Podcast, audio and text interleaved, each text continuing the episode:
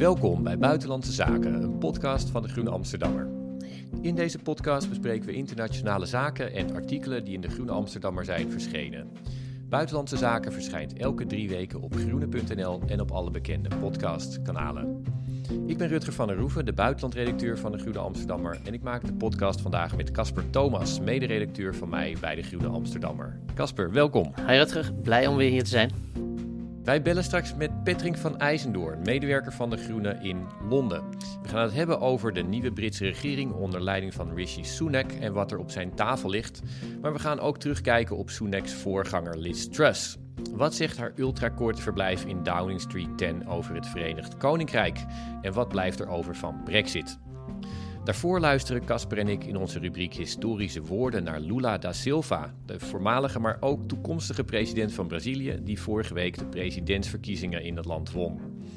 Maar eerst spreken Casper en ik over de Verenigde Staten. Over een paar dagen is het zover, dan gaan de Amerikanen weer naar de stembus om een nieuw huis van afgevaardigden te kiezen en een deel van de Senaat. Casper, kun jij kort uitleggen wat er gaat gebeuren dinsdag? Nou, laat, laat ik het meteen maar op zo'n manier erin uh, vliegen. Dit zijn de belangrijkste midtermverkiezingen ooit. En dat zegt natuurlijk iedereen uh, die uh, bezig is met die verkiezingen en er een belang bij heeft dat daar zoveel mogelijk aandacht voor is. Maar het grappige is, dat heb ik ook echt ontzettend vaak teruggehoord. Ik was toevallig nog in Amerika vorige week voor een, een, laatste reportagereis en, en, laatst even de sfeer proeven voor die midterms. Um, en je merkt echt dat, dat beide kampen, de, zowel de Democraten als de Republikeinen, het idee hebben dat de democratie zelf op het spel staat. Nou, dat, dat, dat vinden ze allebei. Dan kunnen we deze podcast uh, dat kunnen we rustig, uh, rustig afpellen verder. Maar wat er dus eigenlijk gaat gebeuren, dat wat normaal een vrij reguliere tussentijdse verkiezing is, waarbij meestal uh, de zittende partij of de regerende partij die het Witte Huis in handen heeft, een beetje klop krijgt en, en vaak verliest in, uh, op Capitol Hill, dus dan, uh, dan wel de Senaat en het Huis van Afgevaardigden kwijtraakt of een van beide. Um, is er nu echt nog wel iets meer aan de hand dan alleen maar even een wisseling van poppetjes. Namelijk twee hele fundamentele modellen eigenlijk van de Amerikaanse democratie die tegenover elkaar staan. Um, dus Amerika gaat, laten we zeggen, een, een heel belangrijk kiesmoment tegemoet. Uh, daar ga ik toch dan eventjes in, in, in peuteren, Casper. Want ik bedoel, het, het idee dat er verschillende modellen tegenover elkaar staan... dat klinkt toch alsof voor een buitenstaander zou die zeggen... ja, maar dat betekent niet dat het de belangrijkste verkiezingen ooit zijn. Amerikanen hebben daar nogal een handje van om elke verkiezing um, zo belangrijk te noemen. Hè. Er eentje heette, wat was het ook weer? De, de Flight, nog wat uh, De Flight 93, dat is jouw favoriet is dat altijd. Ja, het ging om, uh, om neerstorten of niet. Maar um, dat er verschillende visies tegenover elkaar staan. Waarom zegt dat dan volgens jou dat dat de belangrijkste verkiezingen ooit zijn? Nou, laat ik het zeggen. Dat, kijk, normaal is het inderdaad zo bij verkiezingen, in de, als, als de democratie enigszins functioneert, dat er inderdaad twee verschillende visies tegenover elkaar staan. Wat er nu tegenover elkaar staat, kan ik uitleggen aan de hand van een, uh, een, een, man die ik sprak. Hij is senaatskandidaat uh, voor de lokale senaat in Michigan. Uh, en die zei eigenlijk, ja, ik heb een beetje de indruk dat mijn, mijn tegenstanders, dus de, de, de Republikeinen, eigenlijk niet meer geloven in het systeem waarin ze zelf participeren. Namelijk de electorale democratie. En toevallig had ik de dag daarvoor, was ik in een, in een, in een kerkje waar een, een conservatieve campagne-tour een stop had gemaakt, waar de de Republikeinse kandidaten in, in Michigan zichzelf presenteerden. En wat je daar zag eigenlijk is inderdaad dat de wet al bij voorraad had gezegd dat als ze zouden verliezen, dat er waarschijnlijk wel weer iets mis zou zijn met de verkiezingen, de, hoe die verkiezingen verlopen zouden zijn. Dus de wet nu alweer voorgesorteerd op het idee van bij verlies is er fraude gepleegd. En dat kennen we natuurlijk van Donald Trump, die daar een, eh, een, een, een grote show van heeft gemaakt met, met, met de aanval op het kapitool als, als gruwelijk hoogtepunt. Maar dat idee, uh, wij kunnen eigenlijk alleen maar winnen en als we verliezen dan, uh, dan is de system rigged, is helemaal ingedaald, helemaal, heeft die hele Republikeinse partij doortrokken tot op het allerkleinste niveau. Kleine verkiezingen voor lokale zetels, et cetera. Iedereen lijkt wel een beetje in dat model te zijn ingepakt. En dat maakt dus dat het niet alleen maar het gaat om, om de vraag: goh, uh, willen we iets meer of minder belastingen? Uh, willen we iets meer of minder? Uh, willen we een, een, een, een, een heel ruim recht op abortus of een ingeperkt recht op abortus? Maar die democratie zelf, die, die wordt elke keer als, als, een, als, een, als een soort campagnepunt ingevoerd. Waarbij de democraten zeggen, ja luister eens, de republikeinen willen de democratie om zeep helpen. En de republikeinen zeggen, ja, uh, de democraten kunnen alleen nog maar winnen door, door vals te spelen. Nou ja, daarmee heb je eigenlijk een, een vastgelopen democratie te pakken volgens mij. Ja, en Biden zelf die, die noemt ook deze verkiezingen extreem belangrijk en historisch. Maar hij, hij blijft uit die belangrijkste um, battleground states, zoals ze worden genoemd, blijft hij weg. Ik heb ook op internet heb ik wel uh, Obama gezien, die dan um, ja, de, uh, zeg maar de, de, uh, zijn mouwen heeft opgestroopt en zich weer in het strijdperk waagt. Maar Biden is, is bijna af, afwezig. Um, klopt dat? En, en wat zegt het dat hij zo, uh, zich zo buiten die, die verkiezingsstrijd lijkt te houden? Ja, dat, dat is grappig. Hij, dat, dat, ik heb inderdaad, hij is niet een enorm wapen dat de Democraten inzetten tijdens de campagne. Uh, de Republikeinen doen dat veel meer met, uh, met Trump. Uh, en op het moment dat de Democraten iemand echt van stal willen halen, je zegt precies, dan, dan, dan, dan trekken ze Obama, trekt zijn pak weer aan of, of stroopt zijn mouwen weer op. Um, het heeft er denk ik mee te maken, ja, Biden is gewoon niet zo, is niet gek populair. niet bij zijn eigen, niet bij de tegenpartij, maar ook niet echt bij zijn, bij zijn eigen partij. Um, de Democraten zijn kwetsbaar voor het verwijt dat, er, uh, dat het economisch niet zo lekker gaat. Hoge inflatie, uh, prijsstijgingen, hoge benzineprijzen. Dat klopt. Dus, uh, en dat, dat willen ze heel erg op Biden prikken. Um, dus hebben ze zoiets van, ja, dan, uh, dan, dan kan hij misschien maar een beetje beter uit het zicht gehouden worden. Daarbij is Biden natuurlijk ook wel eens iemand die, die zichzelf nog wel eens wil verspreken. Maar goed, tegelijkertijd, hij heeft wel weer uh, vrij recent, uh, wat heel grappig was, hij koos Union, Union Station, dus het treinstation van Washington DC als, als spreekplek. Waarin hij een soort laatste oproep heeft gedaan van, jongens, kom allemaal naar de stembus deze midtermverkiezingen om de Amerikaanse democratie te redden. Kijk, eh, Trump zou, iets, zou zoiets in het Witte Huis of op het Capitool gedaan hebben. Um, Biden die vindt toch dat die instituten, en dat geeft dus ook weer een beetje de verschillende politieke stijl aan, uh, enigszins toch iets van neutraliteit zouden moeten behouden. Dus die gaat dan op het treinstation gaan. Bovendien komt hij daar altijd aan op de trein naar Delaware zelf. Dus dat uh, is voor hem natuurlijk extra makkelijk. Ja, echt, echt de man van het volk. Hey, en over de, zeg maar dan, in plaats van de, de, poppetjes, Joe Biden, zou het eigenlijk gaan in de democratische droom, zou dit gaan over een paar um, ja, perfecte thema's die, uh, die in dit geval, in, in dit jaar 2022, ja, eigenlijk bij toeval in het voordeel van de democraten vielen, dachten zij tenminste. Want het Hoge Rechtshof die... Um, uh, die verklaarde in juni, uh, trok, het Hoge Rechtshof het, uh, het federaal beschermde recht op abortus in. En dat werd vervolgens gepresenteerd als nou ja, het, um, het centrale thema waarschijnlijk voor de, voor de komende verkiezingen. Um, daar kwam ook nog eens de, ja, de climax bij van de, van de hoorzittingen over de aanval van 6 januari vorig jaar op het, op het Capitool. Dus de Democraten dachten dat die twee thema's, dat die de, de verkiezingen zouden gaan vormgeven en dat dat dus in hun voordeel zou vallen. Maar dat is anders uh, gelopen, volgens mij. Klopt dat? En, en als dat zo is, hoe is het dan de, de Republikeinen toch gelukt? Of, of waar heeft het aan gelegen dat de thema's toch naar ergens anders daar naartoe zijn geschoven? Nou, ik heb niet het idee dat dat. Het is niet, het is niet per se mislukt. Um, dat, dat, dat abortusvraagstuk is wel degelijk. Alleen, uh, en vooral op het, op het niveau van, van, van de statelijke campagnes, dus de, de lokale parlementen en de lokale bestuurders, is dat echt nog steeds een enorm hot topic. Omdat dat Supreme Court vonnis heeft eigenlijk gezegd, ja, iedere individuele staat moet zelf maar uit gaan maken in hoeverre er een, een, het recht bestaat om een zwangerschap te beëindigen. En dus het is een beetje uit het, uit, laten we zeggen, uit het nationale verhaal verdwenen en heel erg bij die staten gelegd. Waarmee de verkiezingen in die staten, alleen dat, wat ik zeg, dat, is, dat zijn natuurlijk zoveel, het is lastig om daar scherp zicht op te hebben. Um, maar gaan de, gaan de politici wel echt wel de, de, van de Democraten wel degelijk met dat, met dat thema de boer op? Omdat ze gewoon weten, wij, wij moeten hier ook echt gewoon over gaan beslissen de komende jaren.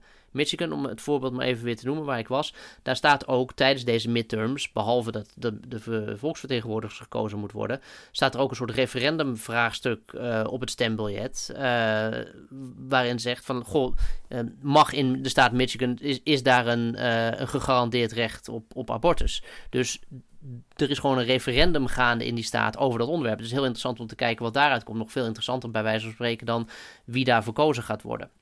Dus wat dat betreft denk ik niet dat dat, dat thema verdwenen is.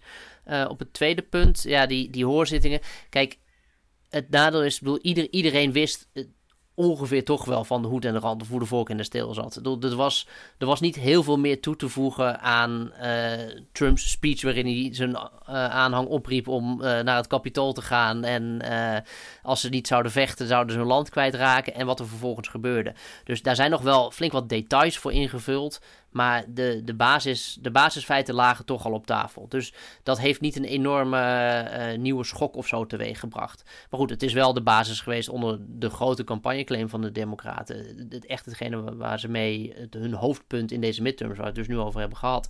Uh, deze midterms gaan over de democratie en niet zozeer over de inhoud van die democratie. En, en is het nou zo, ik bedoel, vanaf de buitenkant lijkt het, lijkt het een beetje alsof die Republikeinen gewoon eigenlijk een, uh, een, monster hebben geschapen. Doordat zij um, zij zijn gebruik gaan maken, lijkt het mij in ieder geval, van, een, van wantrouwen als electorale strategie. Als, uh, ja, als iets wat, wat uh, een bepaald type kiezer mobiliseert om naar de stembus te komen. Maar dat is natuurlijk een, een heel, gevaarlijk, een heel, heel gevaarlijke verleiding. Omdat als je tegen de kiezers gaat zeggen dat de democratie uh, eigenlijk uh, vervalst is en dat, dat uh, ja, de tegenstander voortdurend vals speelt, dan krijg je na een tijdje gewoon ook het, daadwerkelijke resultaat dat mensen geloven dat het eigenlijk niet meer klopt wat er allemaal gebeurt. En dan krijg je de situatie van hier. Is dat dan zeg maar te, te links vanuit, of te veel vanuit een democratische hoek bekeken? Of geloof je daar ook in? Nee ik denk dat ik denk dat, dat spot on is. En, en dit is het punt waarop in ieder geval een deel van politiek Amerika nu beland is. Alleen het interessante is dat. Ik heb dat zelf ook. En, en, en iedereen eigenlijk pas scherp in de, in de kijker uh, gekregen. Laten we zeggen, sinds dat. Laat de, in de nadagen van Trump en in opmaat naar deze midtermverkiezingen. Maar toen ben ik eens wat gaan spitten. En uh, ik heb een, een echt een, een, fantastisch boek ontdekt. Wat ik ook iedereen uh, als, als, als leestip in deze podcast wil meegeven. Uh, en het heet Democracy in Change. In Change. Dus de geketende democratie. Het is geschreven door een historicus, heet Nancy McLean. Um, en dus de ondertitel van het boek is Um, is een uh, The Far Right's Stealth Plan uh, to Do Away with American Democracy. En dus eigenlijk een, een, een stiekem plan om de democratie op een zijspoor te zetten. En zij laat zien hoe eigenlijk al decennia lang er wordt gewerkt, met name op het niveau van de staten. Uh, door een, laten we zeggen, een soort coalitie van uh, rijke donoren met banden met het bedrijfsleven, met name de fossiele industrie ook. en een bepaalde uitsnede van, van, laten we zeggen, conservatief Amerika. Um, die hebben eigenlijk ook met elkaar bedacht, ja, wat wij willen met dit land, uh, dat, dat komt er niet als de democratie zijn gang gaat. En, want er zijn gewoon te veel mensen die er dan tegen stemmen. Dus de enige manier om, om, om onze visie van Amerika, dus laat aardsconservatief en uh, extreem neoliberaal, die, die combinatie, die komt er alleen als we zorgen dat we in al die verschillende staten overal kandidaten neer gaan zetten, politici neer gaan zetten, die er zoveel mogelijk aan doen om te voorkomen dat mensen naar de stembus gaan. Uh, die, uh, de dat je de kiesdistricten zo tekent dat ze jou uitkomen. En uiteindelijk als het puntje bij het paaltje komt, dus ook gewoon misschien maar moet gaan zeggen dat de democratie uh, aan de kant geschoven moet worden als jij verliest. En dat is eigenlijk zitten we nu aan, het, aan, aan de apotheose van een ontwikkeling die al heel lang gaande is. En daarom zijn die midterms dus zo interessant. Want die gaan bewijzen of die, die aanval op de Amerikaanse democratie nou echt gaat slagen.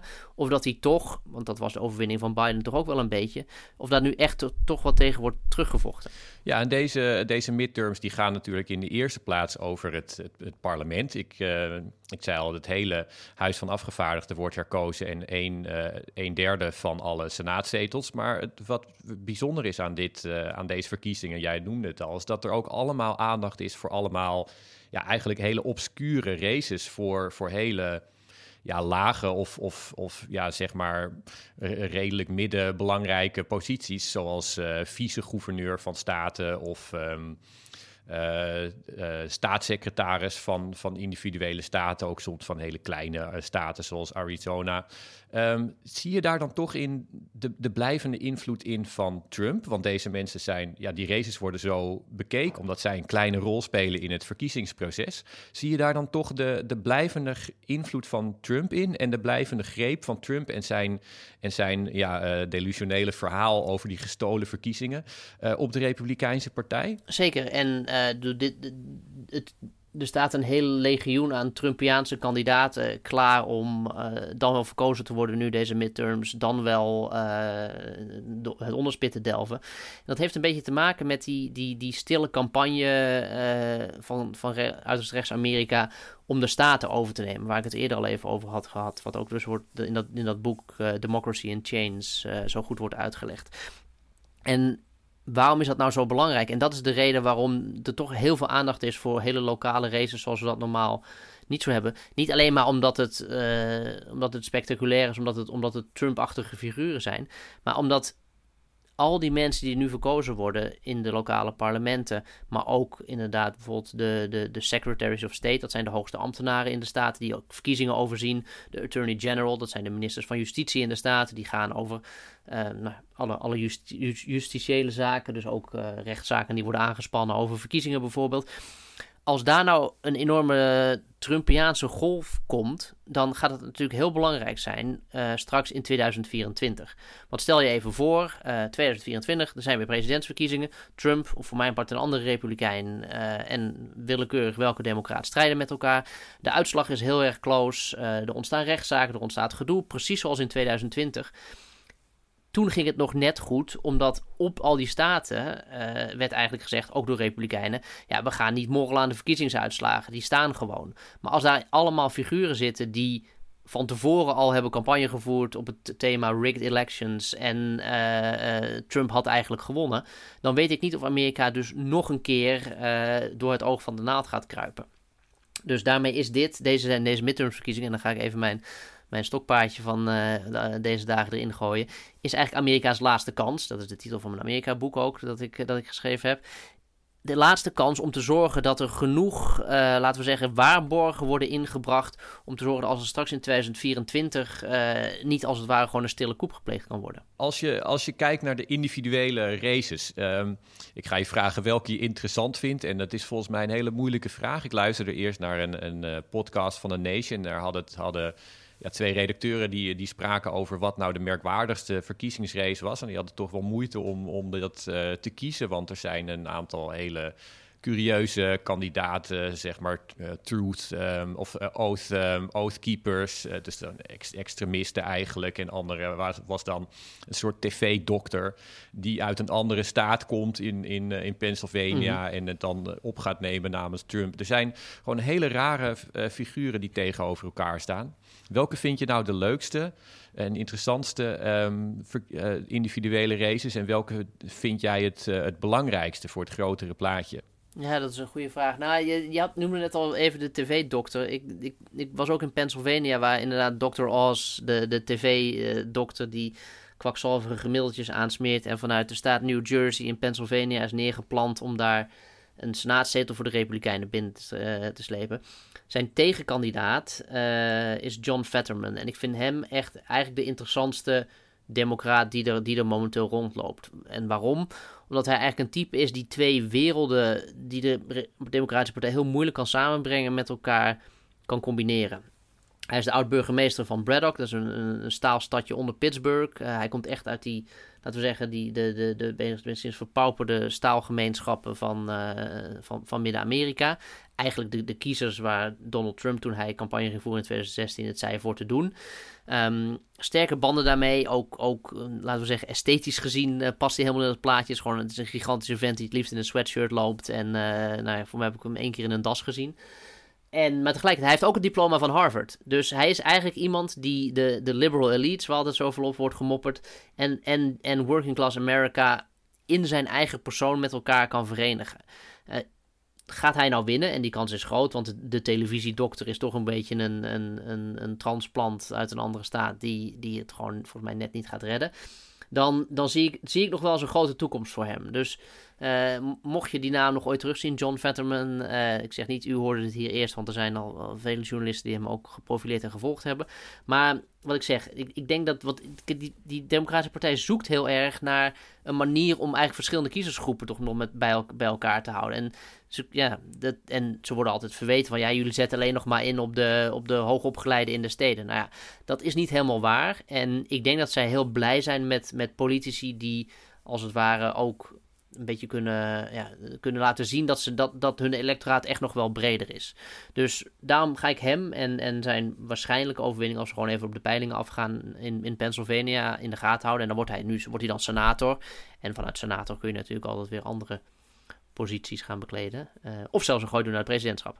Eh, zeg maar een, een, korte vraag. Als je dan uh, vooruitkijkt naar de verkiezingen van 2024. Uh, je had het al over, over John Vetterman. Um, kunnen deze verkiezingen nog, een, nog belangrijk zijn in die zin? We weten, waarschijnlijk kennen de, weten de lezers van de Groenen wel dat, nou ja, dat Donald Trump de hele tijd zit het soort van te overwegen zich kandidaat te stellen. Dat doet hij waarschijnlijk. En deze verkiezingen zijn daar van belang voor. Als nou al zijn kandidaten eruit worden, alle, allemaal verliezen. Nou, dan doet hij het misschien toch niet. Maar als zijn kandidaten het redelijk doen, zal hij dat wel, uh, wel doen. Maar wat zou het kunnen betekenen aan de democratische kant, deze verkiezingen? Ja, dat is, dat is, een, heel goede, dat, dat is een heel goede vraag. Kijk, ik, de, er wordt natuurlijk altijd gekeken, zijn er mensen die, die een spectaculaire overwinning behalen en, die, vooral ook die, die veel fans hebben. En van je zegt, god, dat is echt iemand die wordt gedragen in die partij. En daar is toch wel een beetje een gebrek aan. Ik bedoel, Biden, ik ben best onder de indruk geweest van, van Bidens persoonlijke transformatie van een, een beetje een grijze muis tot een vrij progressieve president. Maar ja, de, de, Republikeinen hebben toch wel een beetje een, een, een tekort aan aansprekende figuren. Uh, en, en dus ik denk dat, deze, dat we die midterm straks nog wijze van spreken eens een keer met de terugblik moeten gaan doen van goh, wie, wie, heeft er nou, wie stond er nou, uh, wie sprong er nou uit? Wie heeft daar nou een onverwachte overwinning bereikt en, en vooral ook met welk verhaal? Uh, nou, ik noemde die Vetterman al even. Misschien zijn er meerdere. Het, punt, het, het, zijn er ook niet zo heel veel. Uh, Stacey Abrams in Georgia zou een voorbeeld zijn. Uh, als, die, als zij gaat winnen, dat, de, dan denk ik dat je haar straks ook nog wel eens een keer in Washington terugziet. Dus Um, ja, maar goed, dat is meer, dat, dat wordt altijd een soort wijsheid achteraf, hè? Want dan uh, blijkt dat iemand... Of, of dus een dark horse die, jij, die we nu nog niet goed op de radar hebben.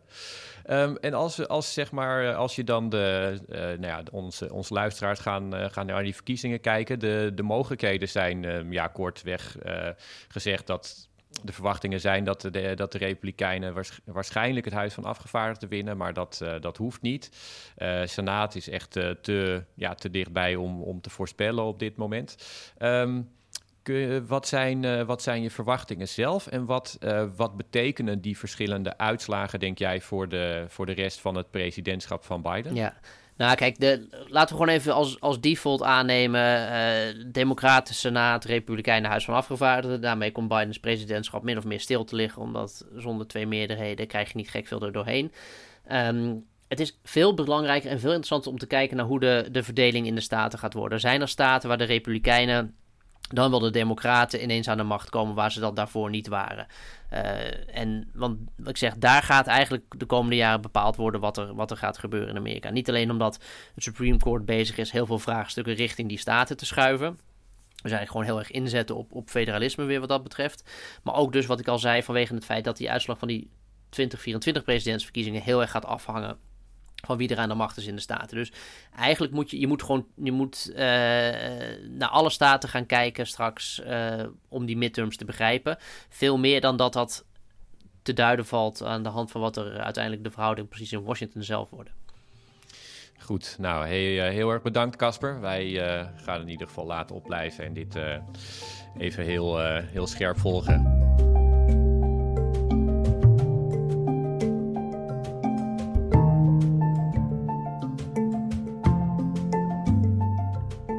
En dan nu historische woorden, onze rubriek waarin we een citaat bespreken van een politicus uit de afgelopen weken dat zomaar historisch zou kunnen worden.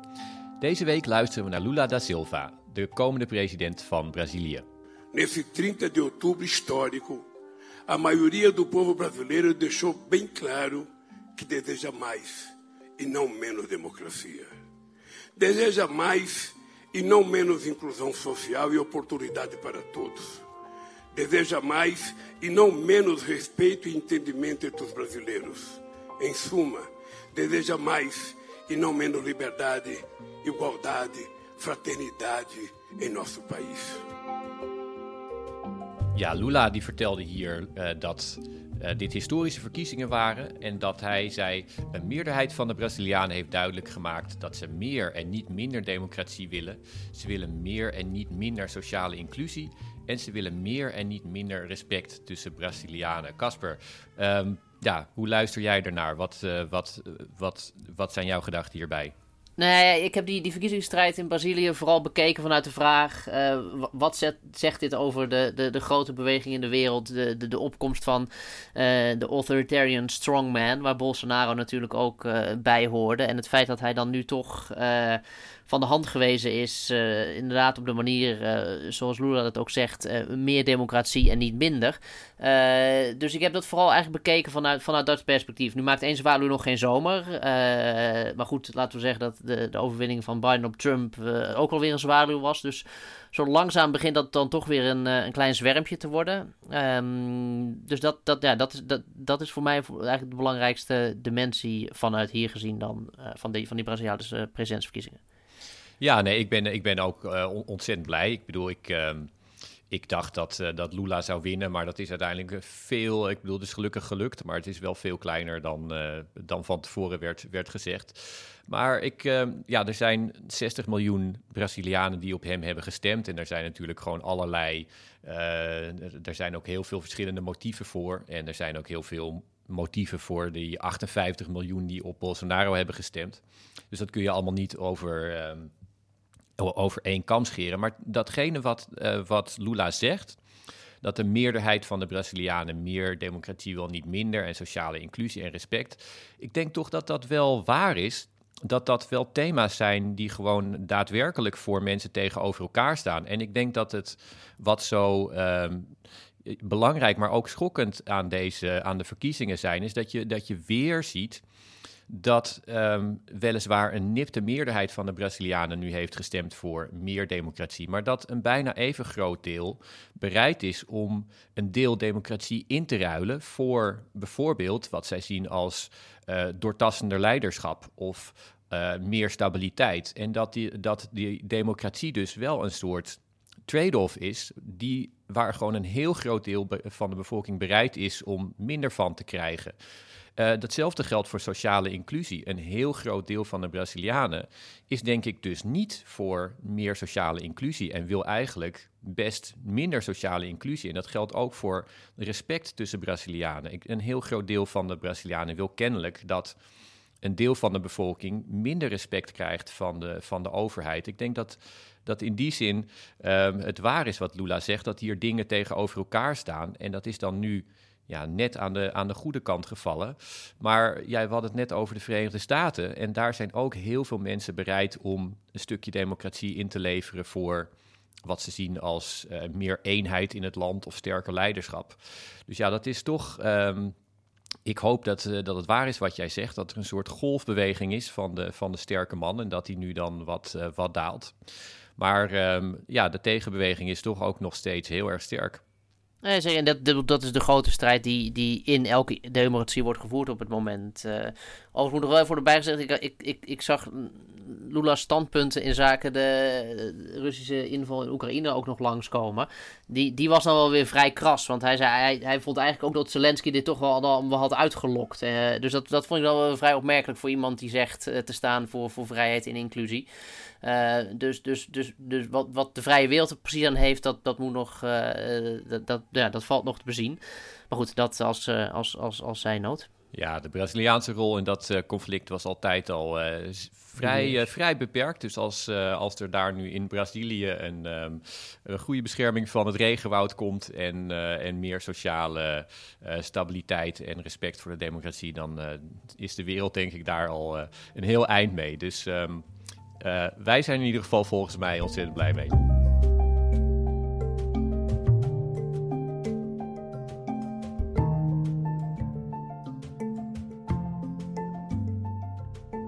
En dan nu het Verenigd Koninkrijk. Dat land heeft betere jaren gehad. De premier Boris Johnson belandde in één schandaal te veel en moest weg.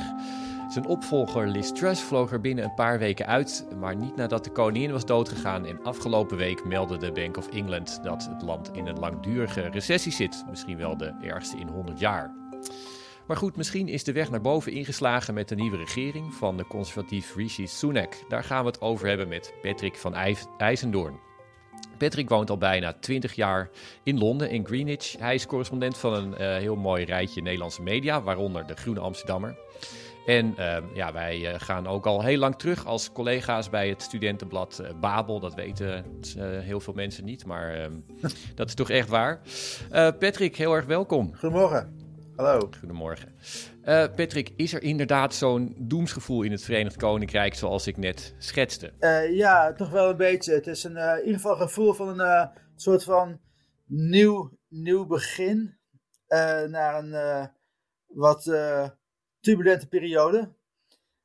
En het is een gevoel van, ja, toch wel doem vanwege alle nare voorspellingen over de economie, de huizenmarkt, over toch tegenvallende gevolgen van Brexit. Dus het is niet een hele, hele positieve sfeer hier, met de winteropkomst ook.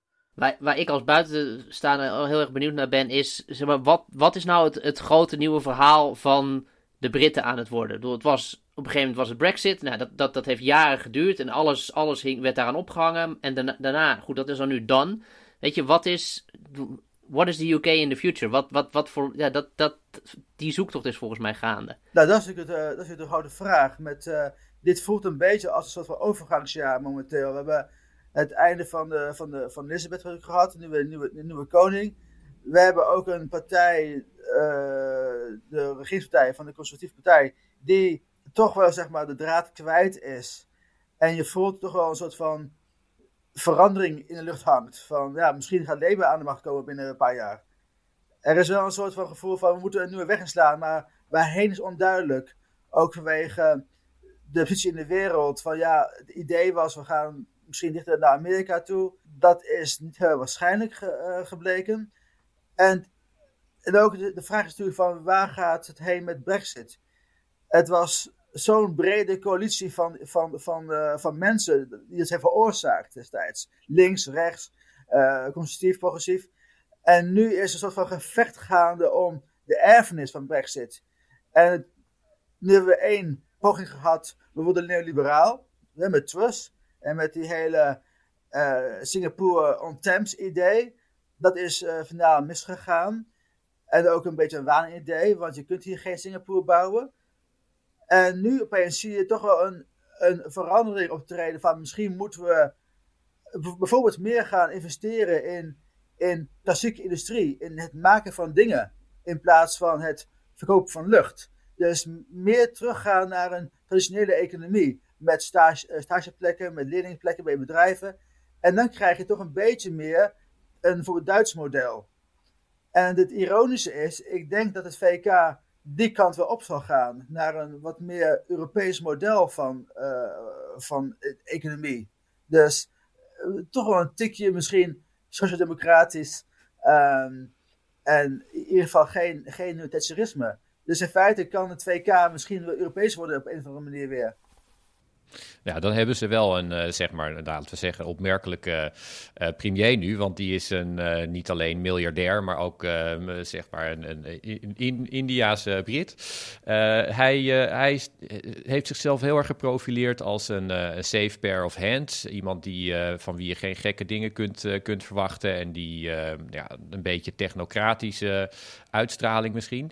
Um, klopt dat? En, en wat, wordt dan, wat, wat kan hij gaan doen? Wat, wat zijn zijn prioriteiten en hoe kan hij, uh, denk je, de, hoe gaat hij proberen om Groot-Brittannië weer op de, op de rails te krijgen?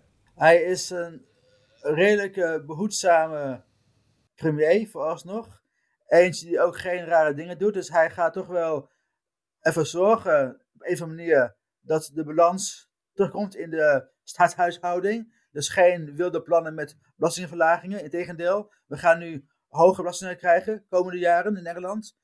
Hij wil echt, zeg maar, dus uh, ook met name de financiële wereld te vriend houden, in ieder geval uh, geruststellen met een normaal beleid. Alleen het probleem is, er is een enorme gat in de, in de, in de begroting, dus dat moet in ieder geval manier dichten. En kijk, als conservatief is het altijd moeilijk om belastingen te gaan ver, verhogen. Dus hij zit daar wel een beetje mee klem. Maar zijn, zijn prioriteit is uh, het land stabiel maken. Milieu is bij hem geen groot ding, volgens mij. Dat zagen we ook wel in zijn twijfel om te gaan naar uh, de 27 komende weken.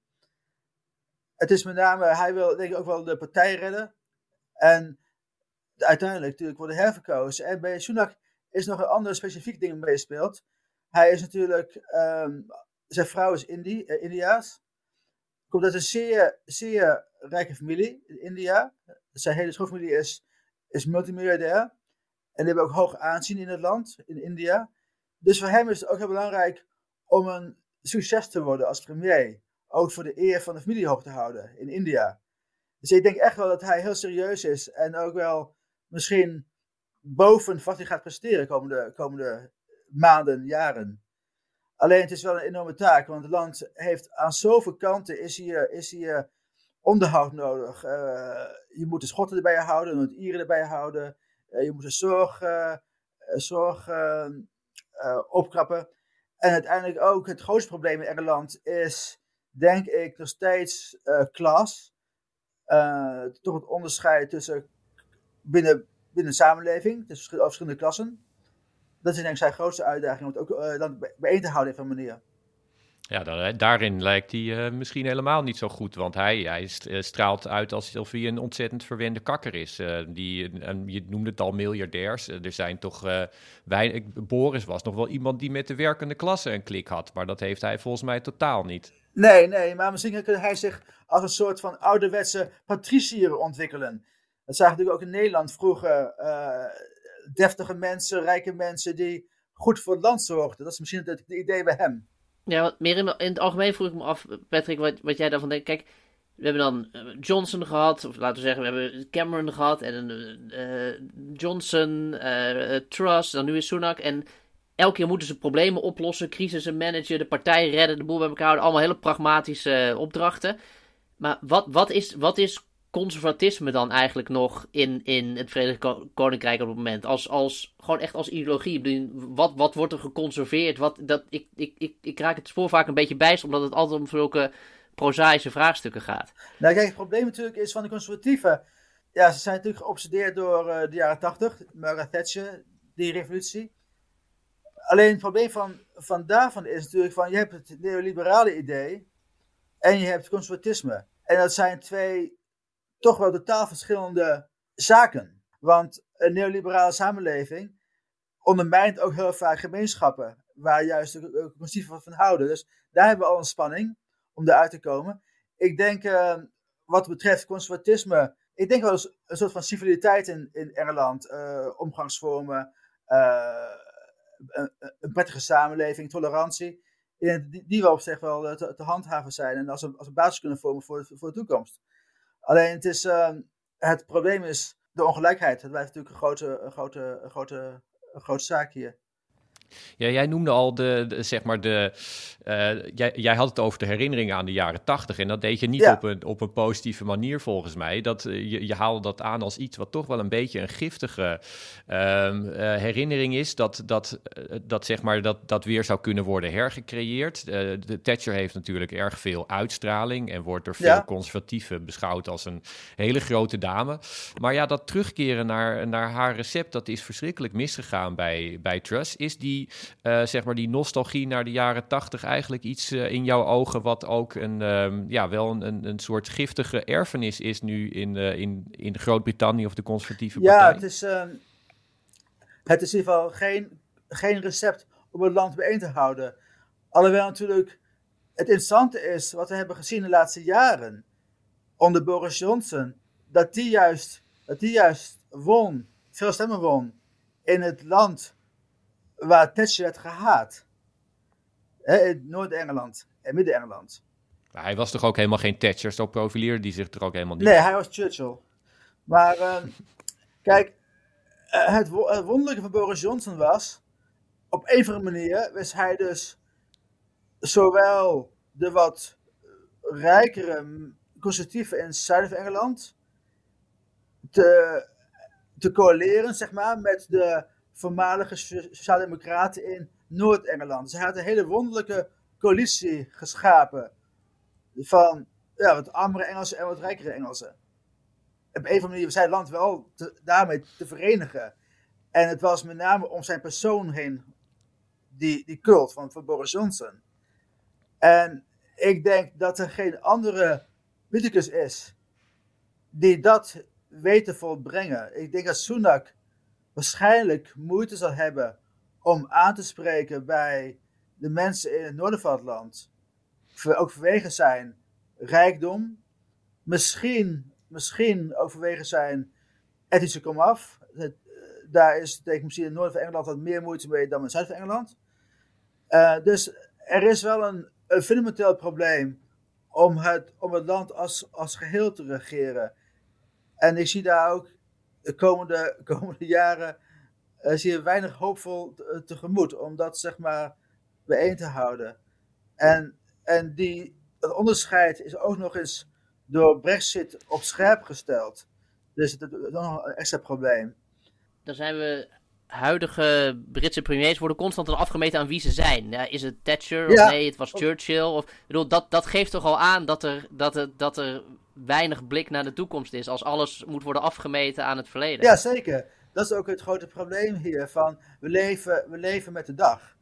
Uh, sowieso staan de Engelsen bekend als, als redelijk korte termijn denkers. Ook zeker in de politiek. Het altijd over, over, korte termijn. Maar een visie voor lange termijn, die, die is uh, afwezig. En ook bij Labour wordt die niet gerepresenteerd, die visie. Waar, waar moeten we heen? Waar zijn wij in de wereld? Um, dat is, uh, ik sta niet uit trouwens dat het, het VK in de toekomst toch wel weer terug zal keren, niet naar de EU, maar op zijn maximaal wel naar de interne markt. Dat ze daar weer uh, bij willen gaan komen. Ik denk dat dat op zich wel de, de weg voorwaarts is. Ook economisch, zeker. Maar ook, denk politiek gezien. Het, het probleem is van de laatste jaren is dat, dat Brexit is op een bepaalde manier gekaapt door de radicalen als je kijkt naar die uitslag van, van het referendum 52-48, dan kun je, uh, dan kun je, zaak maar, uh, dan kun je zeg maar denken van laten we een soort van middenkoers gaan varen. Maar het is, uh, het is geradicaliseerd met, met, met harde brexit. En het is sowieso het, het, geval van de laatste jaren geweest. Dat politiek bevindt zich op de flanken. Dus we hebben bij Labour had je dus Corbyn en zo, de hele clan. en bij de, bij de Tories is de partij overgenomen door de geharde Brexiteers. Ja, als ik, als ik jou zo, zo verhoor, dan klinkt het eigenlijk alsof je, alsof je in Groot-Brittannië een, ehm, eh, een eigenlijk vrij pragmatische en ook wel een beetje ja, korte termijn ehm, eh, beleid hebt, wat dan wordt overgoten met een soort saus uh, waar een groter verhaal bij hoort en een soort imago, wat dan ofwel kan teruggrijpen naar Churchill of Thatcher of iemand anders, maar dat er dus zeg maar een soort pragmatisme is, wat, ja, wat, wat ehm, wat een beetje losstaat van die, van die imagopolitiek. Maar dat nu in het Verenigd Koninkrijk eigenlijk heel veel verwarring bestaat over wat dan een pragmatische beleid zou moeten zijn. Klopt dat? Ja, dat is, dat is zeker zo. En, maar je moet eigenlijk niet, niet vergeten dat, dat de laatste, laatste jaren sinds Brexit. Je zit hier in feite in een revolutie. Uh, dat is echt een hele existentiële tijd voor, voor, voor de Britten.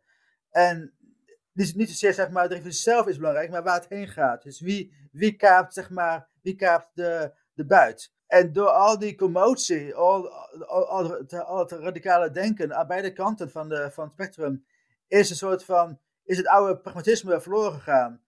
En dat moet snel gaan herontdekken. En ik denk wel dat je dat nu gaat zien met Sunak.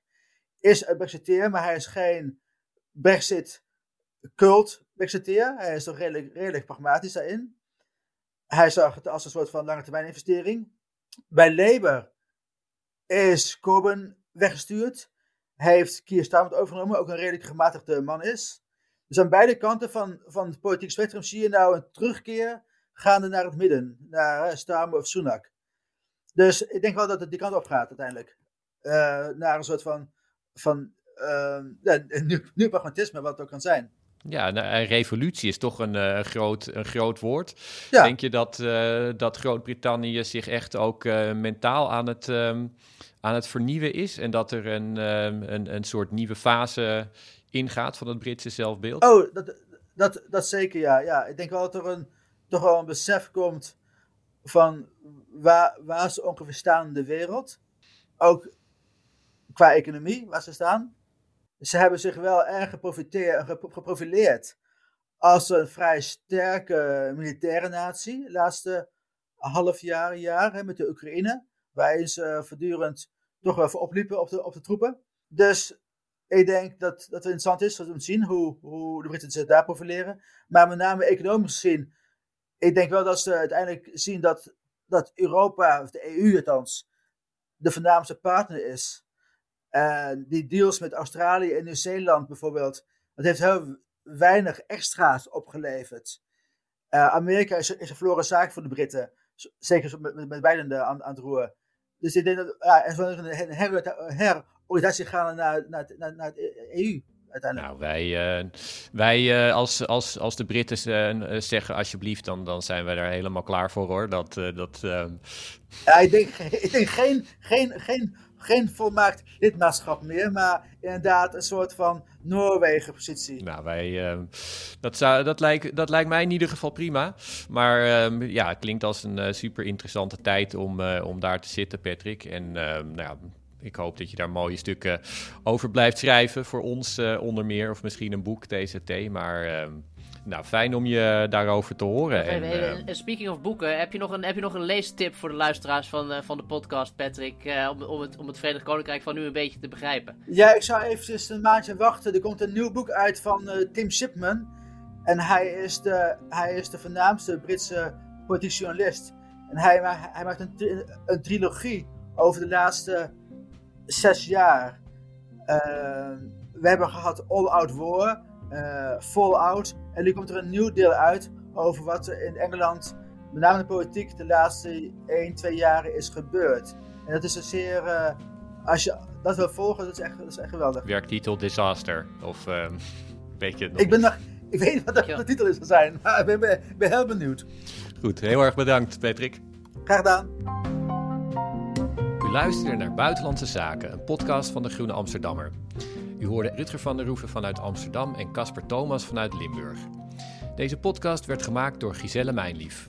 Als u wilt reageren kunt u mailen naar buitenland.groene.nl. Dank voor het luisteren. En als u meer van ons wil lezen of abonnee worden van De Groene Amsterdammer, ga dan naar www.groene.nl.